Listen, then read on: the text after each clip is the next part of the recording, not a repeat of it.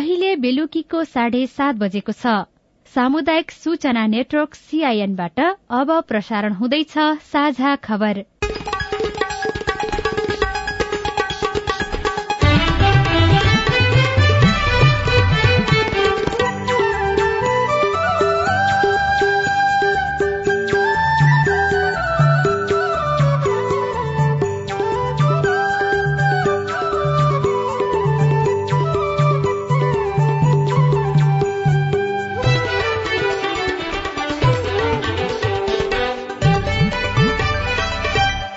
सीआईएनको साझा खबरबाट लील प्रकाश चन्दको नमस्कार। साझा खबर देशभरिका सामुदायिक radio CIN Khabar dot com र मोबाइल एप सीआईएनमा पनि सुन्न सकिन्छ।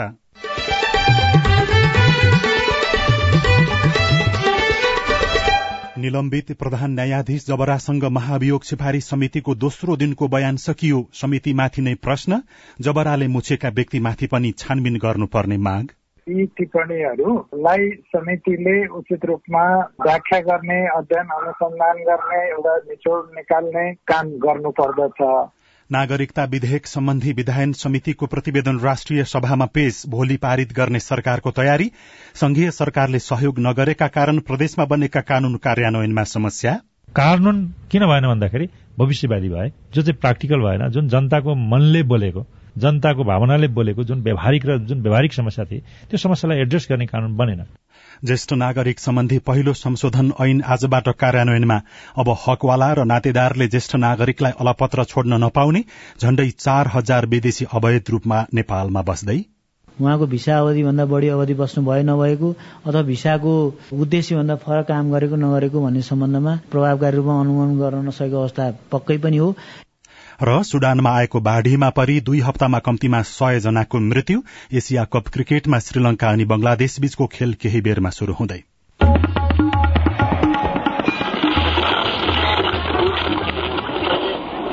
रेडियो। हजारौं रेडियो कर्मी र करोड़ौं नेपालीको माझमा यो हो सामुदायिक सूचना नेटवर्क सीआईएन सरकारले पर्यटन भिसामा विदेश गएर अलपत्र हुने अवस्था आउन नदिन भिसामा कडाई गरिएको बताउँदै आएको छ तर पछिल्लो छ महिनामा मात्रै त्रिपन्न हजार भन्दा धेरै नेपाली पर्यटन भिसामा खाड़ी पुगेका छन्। नीतिमा राम्रो व्यवस्था गर्ने तर कार्यान्वयन नहुनुको कारणबारे समीक्षा सरकारले गर्नुपर्छ। पर्यटक भिसामा खाड़ीमा पुग्न सजिलो भए पनि त्यसपछि भइपरि आउँदा सरकारले कुनै सहयोग गर्न सक्दैन भन्ने बारेमा सबै सचेत पनि हुनुपर्छ। अब खबर अविनाश आचार्यबाट। विधायन व्यवस्थापन समितिबाट पारित भएको नागरिकता सम्बन्धी विधेयक दोहोऱ्याएर आज राष्ट्रिय सभामा पेश भएको छ।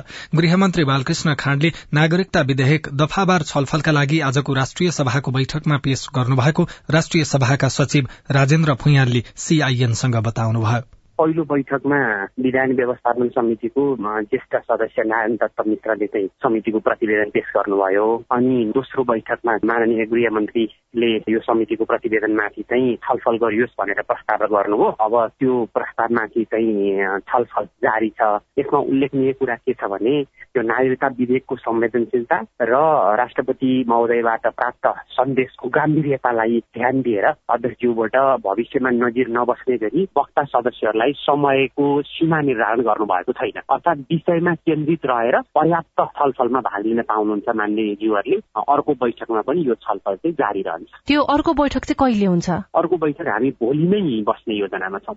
विधेयकमाथि छलफलमा भाग लिँदै सांसद विमला राई पौडेलले नागरिकता विधेयक सम्बन्धमा राष्ट्रपति विद्यादेवी भण्डारीको अपमान गरिएको बताउनुभयो। राष्ट्रपतिले विधेयक फिर्ता गर्दा पठाएको सन्देश संसदमा टेबल नहुँदै गठबन्धनका नेताहरूले हुबहु विधेयक पारित गर्ने निर्णय गरेको भन्दै उहाँले त्यसलाई अहंकारको संज्ञा दिनुभयो। विधेयक फिर्ता पठाइसकेपछि मलाई लागेको थियो अब फेरि प्रतिनिधि सभामा छलफल हुन्छ फेरि प्रक्रियामा जान्छ र कम्तीमा देशको राष्ट्र प्रमुखले औल्याउनु भएका विषयवस्तुहरूमा छलफल भएर जुन कुरा गर्न सकिन्छ ती विषयहरू चाहिँ कम्तीमा सम्बोधन हुन्छ भन्ने आशा लागेको थियो। तर भइदियो कस्तो भने राष्ट्रपतिज्यूको सन्देश आएर टेबल हुन पाएको छैन। गठबन्धनका मुख्य नेताहरू बालवाटारमा बस्नुभयो र राष्ट्रपतिज्यूको सन्देश केही पनि हामी सम्बोधन गर्दैनौ भनेर साह्रै ठूलो घमण्ड साह्रै ठूलो अहंकार देखाउनु भयो सांसद देवेन्द्र दाहालले विधेयकमाथि राष्ट्रपतिले दिनुभएका सुझावलाई ध्यानमा राखेर पारित गर्न सुझाव दिनुभयो।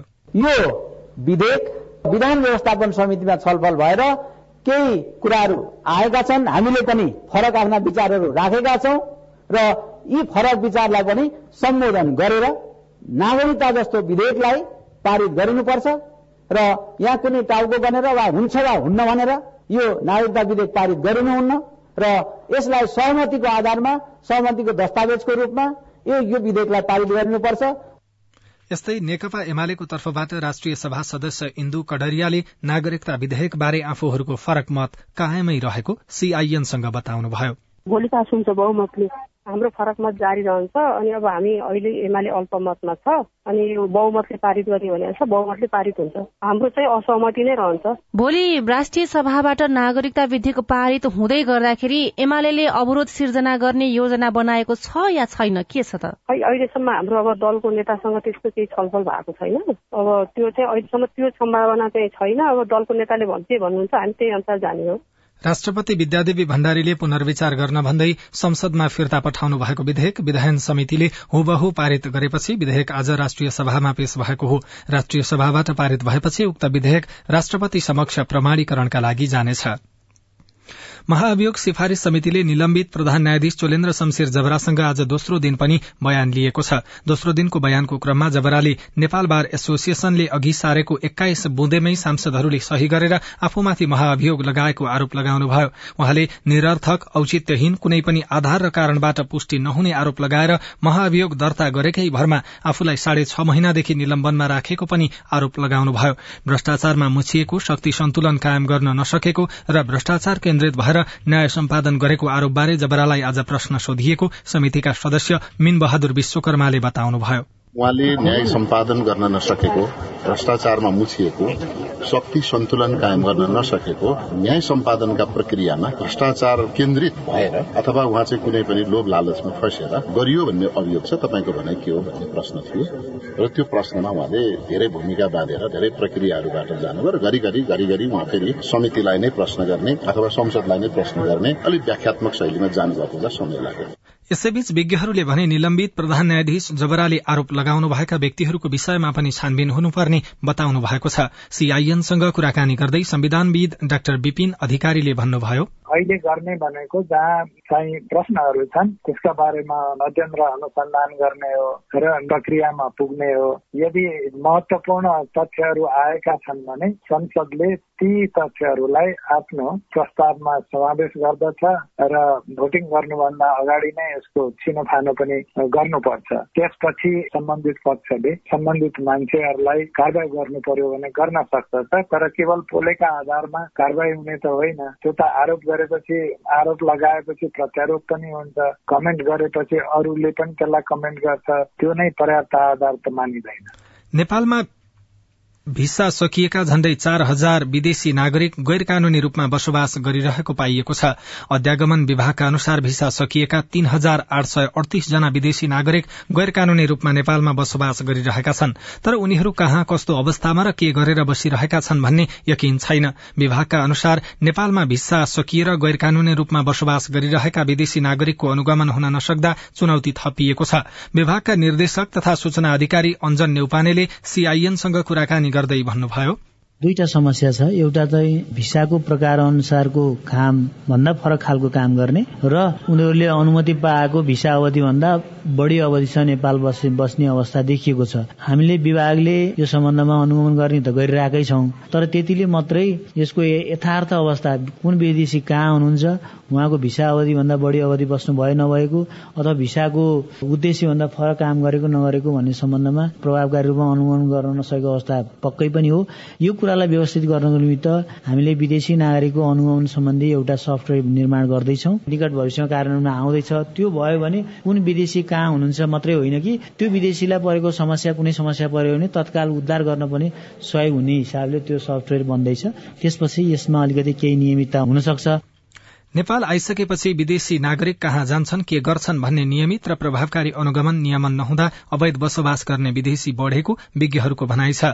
एउटा उद्देश्यको भिसामा नेपाल आएर अरू काम गर्ने अवैध रूपमा बस्ने र विभिन्न आपराधिक गतिविधिमा संलग्न हुने देखिएकाले यसको निगरानी र नियमन गर्न आवश्यक रहेको केन्द्रीय अनुसन्धान ब्यूरोका पूर्व प्रहरी नायब महानिरीक्षक हेमन्त मल्लले सीआईएनसँग बताउनुभयो। विदेशी जो नेपाल बसेका छन् नि। योभन्दा पहिलाको तपाईँले रेकर्ड हेऱ्यो भने पिडोफाइलमा इन्भल्भ भएको धेरै फेला परेका छन् नम्बर एक र अर्को तपाईँले हेर्नुभयो भने योभन्दा पहिला पहिला तपाईँको विदेशी मुद्रा ओसार पसारमा पनि देखेका छन् लागु अपराधमा पनि देखेका छन् होइन? र खास गरी पिडोफाइल र यो तिन चारवटा अपराध हुन्छ नि अपराधमा इन्भल्भ भएको तपाईँ अनुसन्धानले पनि प्रमाणित गरेको छ हामीले देखेको पाइन्छ कुराहरू। यसको नियन्त्रण र व्यवस्थापनका लागि चाहिँ के गर्न जरुरी छ? अनुगमन हुन्छ दरिलो बनाउनु पर्यो इमिग्रेसनको त्यो किसिमको तपाईँको डाटाबेस हुनु पर्यो इन्फर्मेसन हुनु पर्यो नम्बर एक र सबभन्दा के हुन्छ तपाईँको डाटाबेस भएर दरिलो बनाएर मात्रै हुँदैन मान्छेमा चासो पनि हुनु पर्यो नि। यो हाम्रो जिम्मेवारी हो र यो चाहिँ हामीले हेर्नुपर्छ भने चासो पनि हुनु पर्यो सुदूरपश्चिम प्रदेशको प्रमुख चाड गौरा पर्व आजबाट शुरू भएको छ। गौरा पर्वको पहिलो दिन आज गहुँ मास गहत गुरौस र केराउ अर्थात बिरूडा भिजाइएको छ। तामाको भाँडामा पाँच थरी अन्न भिजाउने भएका कारण आजको दिनलाई बिरूडा पञ्चमी पनि भनिन्छ। विवाहित महिलाहरूले नुहाई धुवाई गरेर व्रत बसी घर घरमा विभिन्न पाँच प्रकारका अन्न भिजाएर गौरा पर्वको शुरूआत गरेका छन्। बैतडीको पाटन नगरपालिका दशका सरू भट्ट। बिहान हर धोयो लिप्यो घस्यो भित्र मणि सबै तिर पञ्च बिरुडो खोज्यो गहुँ गत मास गुरौस कलौ खोज्यो उहाँ राख्यो धुप सुप बाल्यो माटो कोरो माटो लियो उहाँ राख्यो तमे तौलो राख्यो पानी लियो पुवामा भर्यो पानी सानी हाल्यो उत्तेखा पिठा राख्यो अगरबत्ती बाल्यो डेडामा बातो बाल्यो। पौराणिक कालमा भगवान महेश्वरको प्राप्तिका लागि गौरा देवी पार्वतीले आराधना गरेको विश्वासमा यो पर्व मनाउने गरिएको जानकारहरू बताउँछन्। गौरा संस्कृतिका एकजना जानकार मुरलीधर अवस्थी। हिमालय पुत्रित गौरी अथवा पार्वतीसँग यसको प्रसङ्ग जोडिएको छ। परापूर्व कालदेखि शिव र गौरीलाई उमा महेश्वरको रूपमा पूजा गर्ने गर्छन्। गौरा सुदूरपश्चिमको मौलिक धार्मिक एवं सांस्कृतिक पर्व हो। स्थानीय लोक भाका डेउडा धमारी चैते ढुस्को लगायतका भाकामा डेउडा खेलेर गौरा को समयमा मनोरञ्जन लिनुका साथै सुख दुःख बाँड्ने गरिन्छ। दार्चुलाको शैली शिखर नगरपालिका दुईका बलदेव भट्ट। ढुसको धुमारी देवी देवताहरूका फाग ठाडो खेल अनि जात्राहरू यो हाम्रो परापूर्वकालदेखि चलिएका संस्कृति हो। सुदूरपश्चिम प्रदेश सहित कर्णाली प्रदेश र भारतको उत्तराखण्डमा समेत गौरा पर्व मनाउने गरिन्छ। पञ्चमीका दिन भिजाएका बिरुवा षष्ठीका दिन नजिकको धारा वा तलाउमा लगेर धुने चलन छ। सप्तमीका दिन भित्राइने गौरालाई दुर्वाष्टमी अर्थात अठेवालीका दिन गौरा खालामा लगेर पूजा गरिन्छ। Dambar Babu Bohara CIN radio seven star Khodpe Baitadi. साझा खबरमा अब विदेशको खबर सुडानमा बाढ़ीका कारण कम्तीमा एक सय जनाको मृत्यु भएको छ। विगत दुई सातादेखि परेको पानीसँगै आएको बाढ़ीका कारण छ राज्यमा गरी एक सय जनाको मृत्यु भएको हो। संयुक्त राष्ट्रसंघको मानवीय मामिला समन्वय केन्द्रका अनुसार सुडानका अठार राज्यमा गरी बाढ़ीका कारण दुई लाख अन्ठाउन्न हजार भन्दा बढ़ी मानिस प्रभावित भएका छनृ। र खेल खबरमा एसिया कप क्रिकेटमा अहिले श्रीलंका र बंगलादेश बीच खेल हुँदैछ। दुवै अन्तर्राष्ट्रिय रंगशालामा अहिले केही बेरमा शुरू हुने खेलमा श्रीलंकाले टस जितेर बंगलादेशलाई पहिले ब्याटिङ गर्न निम्तो दिएको छ।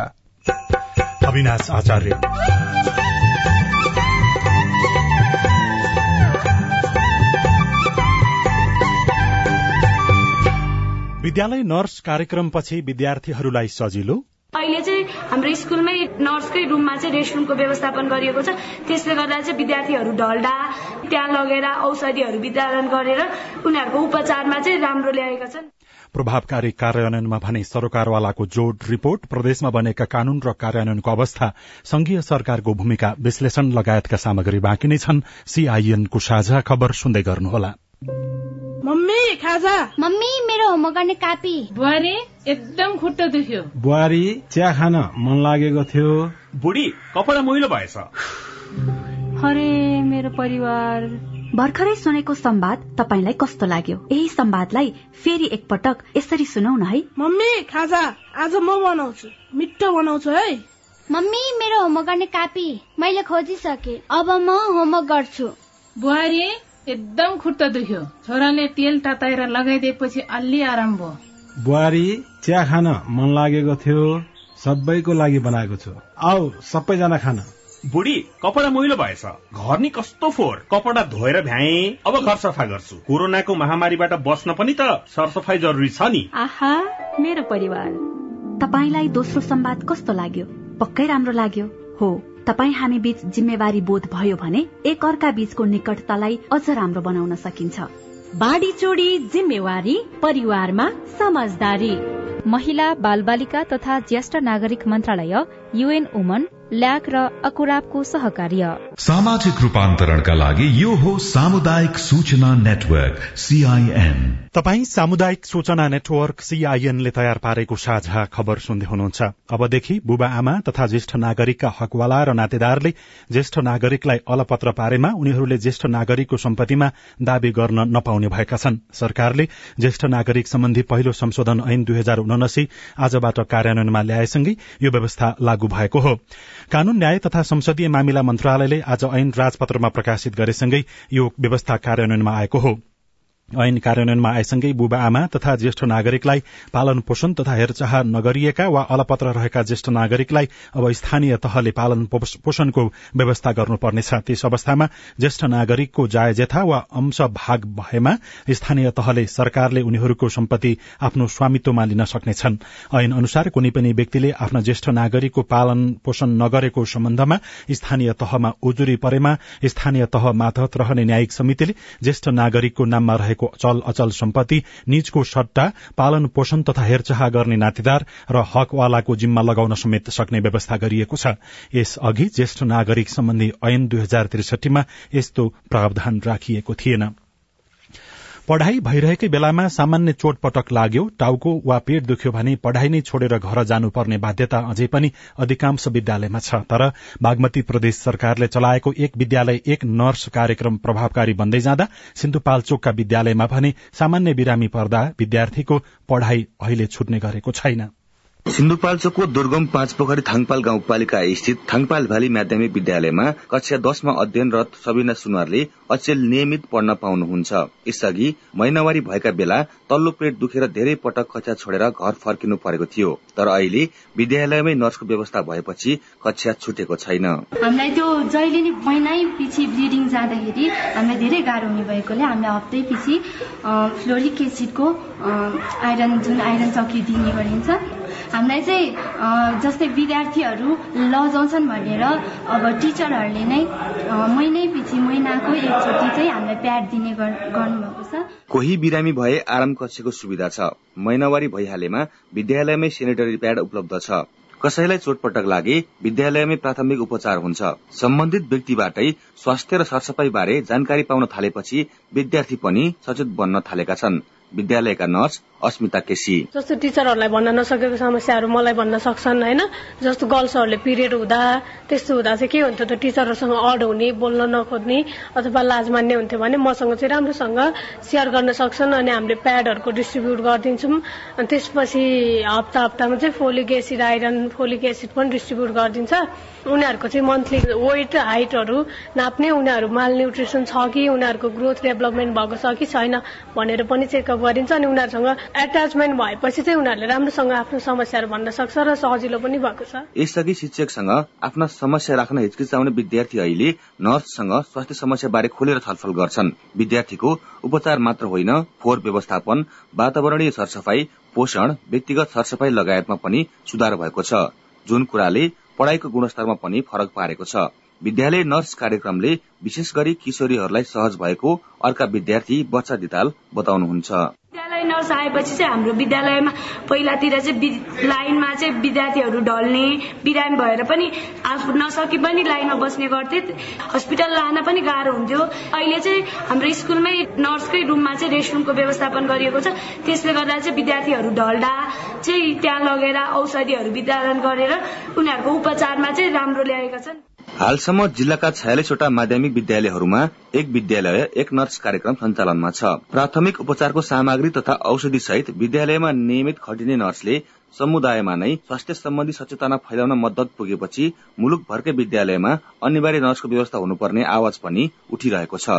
Sagar Khadka CIN radio Melamchi Sindhupalchok. साझा खबरमा अब हेलो सीआईएन सजना तिमल नमस्ते म अमित शाह जिल्ला सिरा मिर्चिया नगरपालिकाबाट बोल्दैछु। मेरो समस्या के हो भन्दाखेरि म योपालि एसी दिएँ। मेरो इक्जाम सेन्टर मोहन माविमा मावि मिर्चियामा परेको थियो। एसी मेरो राम्रै गयो तर एसीको रिजल्टमा सी म्याथमा चाहिँ सिसी आयो कपी क्यान्सिल भनेर। यसको बारेमा म सानो ठेमी सोध्न जाँदाखेरि अब यो कपी क्यान्सिल भइसक्यो तिम्रो अब यहाँबाट केही गर्न मिल्दैन। अब त्यसको लागि मैले केही गरेकै थिएन न चिटिङ गरेको थिएन केही। यो कसरी भयो त्यसको बारेमा अलिकति बुझ्दै सजिलो हुन्थ्यो कि के गर्ने भनेर। तपाईँको समस्या समाधान कसरी गर्न सकिन्छ? राष्ट्रिय परीक्षा बोर्ड अन्तर्गत कक्षा दसको परीक्षा नियन्त्रक अर्जुन रायमाझी भन्नुहुन्छ। त्यस सम्बन्धमा तपाईँले के गर्नु भएको छैन?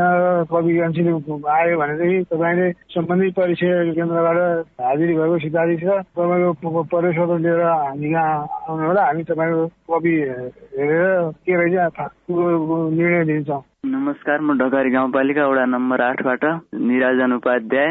अनि मेरो नागरिकतामा पछाडि थरको स्पेलिङ फरक परेको छ र बाबाको पनि थर फरक परेको छ डकुमेन्टको भन्दा नागरिकतामा। अनि यो सुधार्न के गर्नुपर्छ? मेरो जिज्ञासा रहेको छ। तपाईँको जिज्ञासा मेटाउँदै हुनुहुन्छ अछामका सहायक प्रमुख जिल्ला अधिकारी दिपेश रिजाल। थर फरक परेको सम्बन्धमा चाहिँ आवश्यक कागजातहरू लिएर जिल्ला प्रशासन कार्यालयमा आउनुभयो भने सुधार्न मिल्छ त्यो त्यति ठुलै समस्या होइन। तपाईँ जुनसुकै बेला हाम्रो टेलिफोन नम्बर शून्य एक बान्न साठी छ चार छमा फोन गरेर आफ्नो प्रश्न जिज्ञासा गुनासा अनि समस्या रेकर्ड गर्न सक्नुहुनेछ। तपाई सामुदायिक सूचना नेटवर्क सीआईएनले काठमाडौँमा तयार पारेको साझा खबर सुन्दै हुनुहुन्छ। प्रदेशमा बनेका कानून र कार्यान्वयनका चुनौती? प्रदेश प्रहरी ऐन संघले नगरेका कारणले अहिले पारित भए पनि कार्यान्वयनमा छैन। संघीय ऐनहरू बन्न नसकेको कारणले गर्दा अब केही आंशिक रूपमा छन्। प्रदेश सभाले बनाएका कानून र विज्ञको समीक्षा संवाद श्रृंखला हेलो सांसद लगायतका सामग्री बाँकी नै छन्। सीआईएनको साझा खबर सुन्दै गर्नुहोला।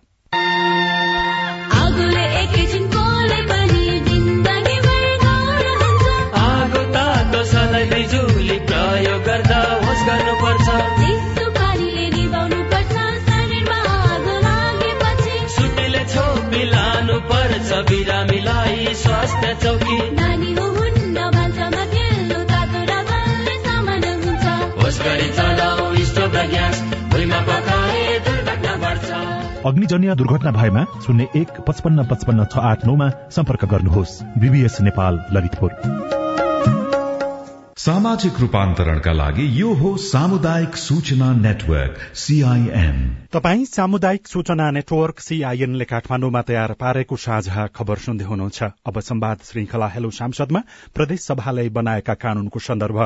झण्डै पाँच वर्षको अवधिमा प्रदेशहरूले संविधान बमोजिम आवश्यक पर्ने थुप्रै कानूनहरू बनाए। संघीय कानून नभएका कारण प्रदेश सभाले निर्माण गरेका कतिपय कानून भने कार्यान्वयनमा चुनौती देखिएको छ। प्रदेश सभा स्थापना भए यता मध्य प्रदेशले एकसठीवटा विधेयक दर्ता गरेकामा पचपन्नवटा पारित गरेको छ। त्यसमध्ये प्रदेश प्रहरी सेवा सम्बन्धी व्यवस्था गर्न बनेको विधेयक तथा निजामती विधेयक प्रमाणीकरण भइसक्यो तर संघीय कानून नभन्दा कार्यान्वयनमा आउन सकेको छैन। यसबारेमा मध्य प्रदेशको संघसँग विवाद समेत भयो। प्रदेश सभाका सचिव रंजित कुमार यादव। कार्यान्वयनको अवस्था कुनैको राम्रो पनि छ कुनैको भएको पनि छैन कुनैको अलिअलि भइरहेको गण्डकी प्रदेश सभामा बैसठीवटा विधेयक दर्ता भएकामा हालसम्म उनासाठीवटा विधेयक पारित भएर कार्यान्वयनमा समेत आएको छ। बागमती प्रदेशले यो अवधिमा सत्तरीवटा विधेयक सभाबाट पारित गरिसकेको छ। संविधानको क्षेत्राधिकार अनुसार रहेर आवश्यक कानून बनाएको प्रदेश सभाका प्रवक्ता सुन्दर पन्त बताउनुहुन्छ। बागमती प्रदेश सभाबाट पारित भएर प्रमाणीकरण समेत भइसकेको सत्तरीवटा तीनटा विधेयकहरू पारित हुन सकेन। एउटा विधेयक चाहिँ प्रक्रियामै गएन। बाँकी एउटा चाहिँ अध्यादेश शुद्ध दोहोरिएर दर्ता भएको रहेछ त्यही भएर सेभेन्टी भयो लुम्बिनी प्रदेशले बहत्तरवटा विधेयक सभाबाट पारित गरेको छ प्रदेश सभा सचिव दुर्लभ कुमार पुन प्रदेश सभा निरन्तर सञ्चालन भए विधेयक माथिको छलफल थप प्रभावकारी हुने बताउनुहुन्छ कडाली प्रदेश सभामा चौसठीवटा विधेयक दर्ता भएकामा त्रिपन्नवटा प्रमाणीकरण भएका छन् छवटा विधेयक सभाबाट निर्णय भई छलफलका लागि विषयगत समितिमा पठाइएको छ भने चारवटा टेबल हुन बाँकी छ। उपसभामुख पुष्पा घरती विष्ट। जति पनि हामीले कानूनहरू बनायौं त्यो एकदमै वाद विवाद त्यस्तो कसैले यसलाई चाहिँ पास गर्नुपर्छ भन्ने कसैले फेल गर्नुपर्छ भन्ने त्यस्तो रहेन। सबै एउटा समझदारी सहमति छलफल बहसबाटै संसदमा गएर पास भएका छन्। सुदूरपश्चिम प्रदेशमा दर्ता भएका सडसठी विधेयक मध्ये पैंसठीवटा सभाबाट पारित भएकामा त्रिसठीवटा प्रमाणीकरण भएका छन्। सभामुख अर्जुन बहादुर थापा शिक्षा लगायतका अति आवश्यक कानून यो कार्यकालमा आउन नसकेको बताउनुहुन्छ। लाइब्रेरी सम्बन्ध पनि आउन सकेन संस्कृति सम्बन्ध एउटा आउन सकेका छैन अनि प्रदेश अनुसन्धान ब्युरो एउटा त्यो हाम्रो एकलौसँग परेको त्यो पनि आउनु पर्ने थियो त्यो एउटा हुन सकेन। अरू चाहिँ सबै करिब करिब आएका छन्। अब त्यो कानुन भन्ने कुरा नियन्त्रणमा अवस्था अनुसार हुने कुरा हो। त्यो अब आउँदै गर्ने कुरा पनि हो। प्रदेश नम्बर एकको प्रदेश सभामा पैंसठीवटा विधेयक दर्ता भएकोमा बैसठीवटा पारित भएको छ भने दुईवटा छलफलका क्रममा रहेको छ। प्रदेशले एकल अधिकारका कानून बनाए पनि साझा अधिकार सम्बन्धी कानून निर्माणमा भने जटिलता देखिएको छ। प्रदेश नम्बर एक सभाका प्रवक्ता चन्द्रमणि पोखरेल। प्रदेश प्रहरी ऐन संघले नगरेका कारणले अलिक पारित भए पनि कार्यान्वयनमा छैन। सङ्घीय ऐनहरू बन्न नसकेको कारणले गर्दा अब केही आंशिक रूपमा छन्। त्यस्तो अवस्था त भइहाल्छ होइन। सबै प्रदेशको समस्या होला त्यो। संविधान अनुसार प्रदेशका एक्काइसवटा एकल अधिकार रहेको छ भने संघ र प्रदेशको पच्चीसवटा साझा अधिकार रहेका छन्। एकल रूपमा उपयोग गर्ने अधिकारका लागि कानून बनाउन सहज भए पनि साझा अधिकारको उपयोग र कानून निर्माण दुवै जटिल भएको प्रदेश सभाका सदस्यहरू बताउँछन्। उषा तामाङ सीआईएन काठमाडौँ। कानून निर्माणको नजरबाट प्रदेश सभाको पहिलो पाँच वर्षे कार्यकाललाई कसरी लिन सकिन्छ? हामीले एकजना संविधानविद डाक्टर चन्द्रकान्त गिवालीलाई सोधेका छौं। प्रदेश सभालाई बिजनेस दिने काम चाहिँ प्रदेशको कार्यकारिणीले हो। प्रदेशको कार्यकारिणीलाई नेपालको संविधानले अनुसूचित छमा उसको कार्यकारिणी अधिकार छ।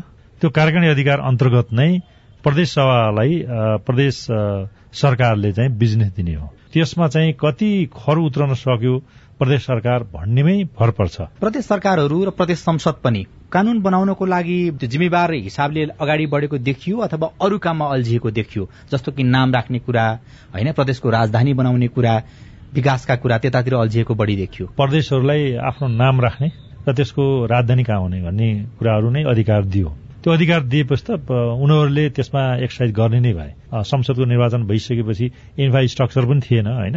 एडमिनिस्ट्रेटिभ उसमा समायोजनका कुराहरू पनि आए। अब सङ्घले चाहिँ प्रदेशमा समायोजन गर्दाखेरि समायोजन ऐन नै त्यही विवादित बन्यो होइन?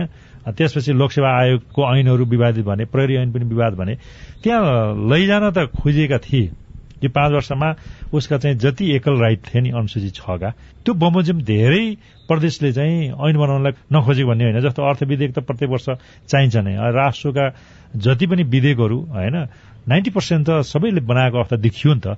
केही साझा अधिकार पनि बनाउनलाई चाहिँ कोसिस भए।